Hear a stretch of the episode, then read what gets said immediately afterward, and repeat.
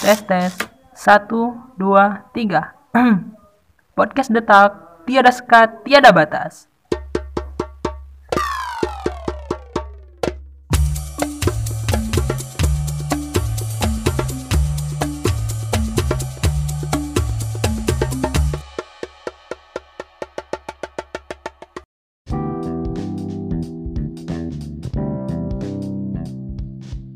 Hai sahabat Detok, kembali lagi di Detok Podcast. Hari ini sahabat Detok bersama aku nih kenalin, aku Cut Mintu Jababirah. Sahabat Detok bisa panggil aku Decut. Atau sahabat Detok bisa manggil aku dengan nama yang lebih akrab, yaitu Cut.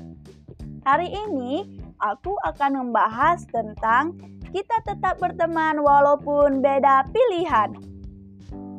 Nah, di tahun 2024 ini kita akan memilih nih mulai dari tingkat wilayah sampai tingkat pusat atau presiden. Namun, hal-hal yang di luar ekspektasi kita sering terjadi, terutama di pemilihan presiden nanti. Nah, sahabat detok, jangan sampai hubungan pertemanan kalian yang sudah sahabat detok bangun nih dengan cukup lama dan dengan cukup baik dengan bestinya kandas setelah tahu teman sahabat detok ini beda pilihan dengan sahabat detok. Kedua hal ini merupakan bagian dari politik identitas untuk menyerang kandidat lain banyak hubungan keluarga dan pertemanan yang rusak karena perbedaan pilihan politik yang dibumbui dengan narasi politik identitas. Akbar juga berharap fenomena hoax dan isu sara di pemilu sebelumnya menjadi pelajaran agar tidak terjadi lagi di tahun 2024. Akbar tidak ingin masyarakat terpecah belah dengan hoax dan isu sara. Akbar juga menambahkan, pemilihan itu harus dihadapi dengan riang dan gembira. Jika narasi kebencian yang dimainkan untuk merebut kekuasaan, ya wajar. Sahabat detok, hubungan sahabat detok dengan bestinya, sahabat detok tidak akan saling sapa dengan bestinya karena adanya pilihan politik. Narasinya tidak lagi sehat, tetapi sudah menyesatkan. Oleh karena itu, Akbar juga meminta berbagai pihak ikut terlibat untuk menyehatkan ruang publik dengan kampanye damai dan narasi politik yang positif.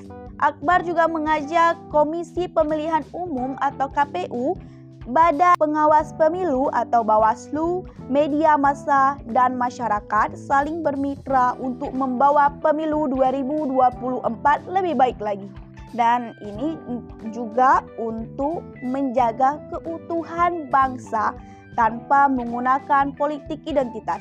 Sebelumnya, Kepolisian Negara Republik Indonesia atau Polri mengerahkan tim patroli cyber untuk mencegah penyebaran berita bohong atau hoax terkait pemilu 2024. Polri mengerahkan tim patroli cyber di Direktorat tindak pidana cyber atau DTPID Cyber, Bares Krim dan Kasubdit Cyber yang ada di 34 Polda.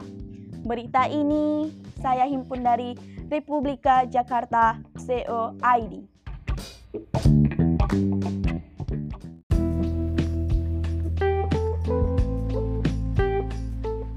Nah, kita sudah di ujung acara nih sahabat detok. Kalau sahabat detok suka dengan podcast yang aku bawa, aku akan lanjut ke next episode. Stay tune ya sahabat detok. Sampai jumpa lagi.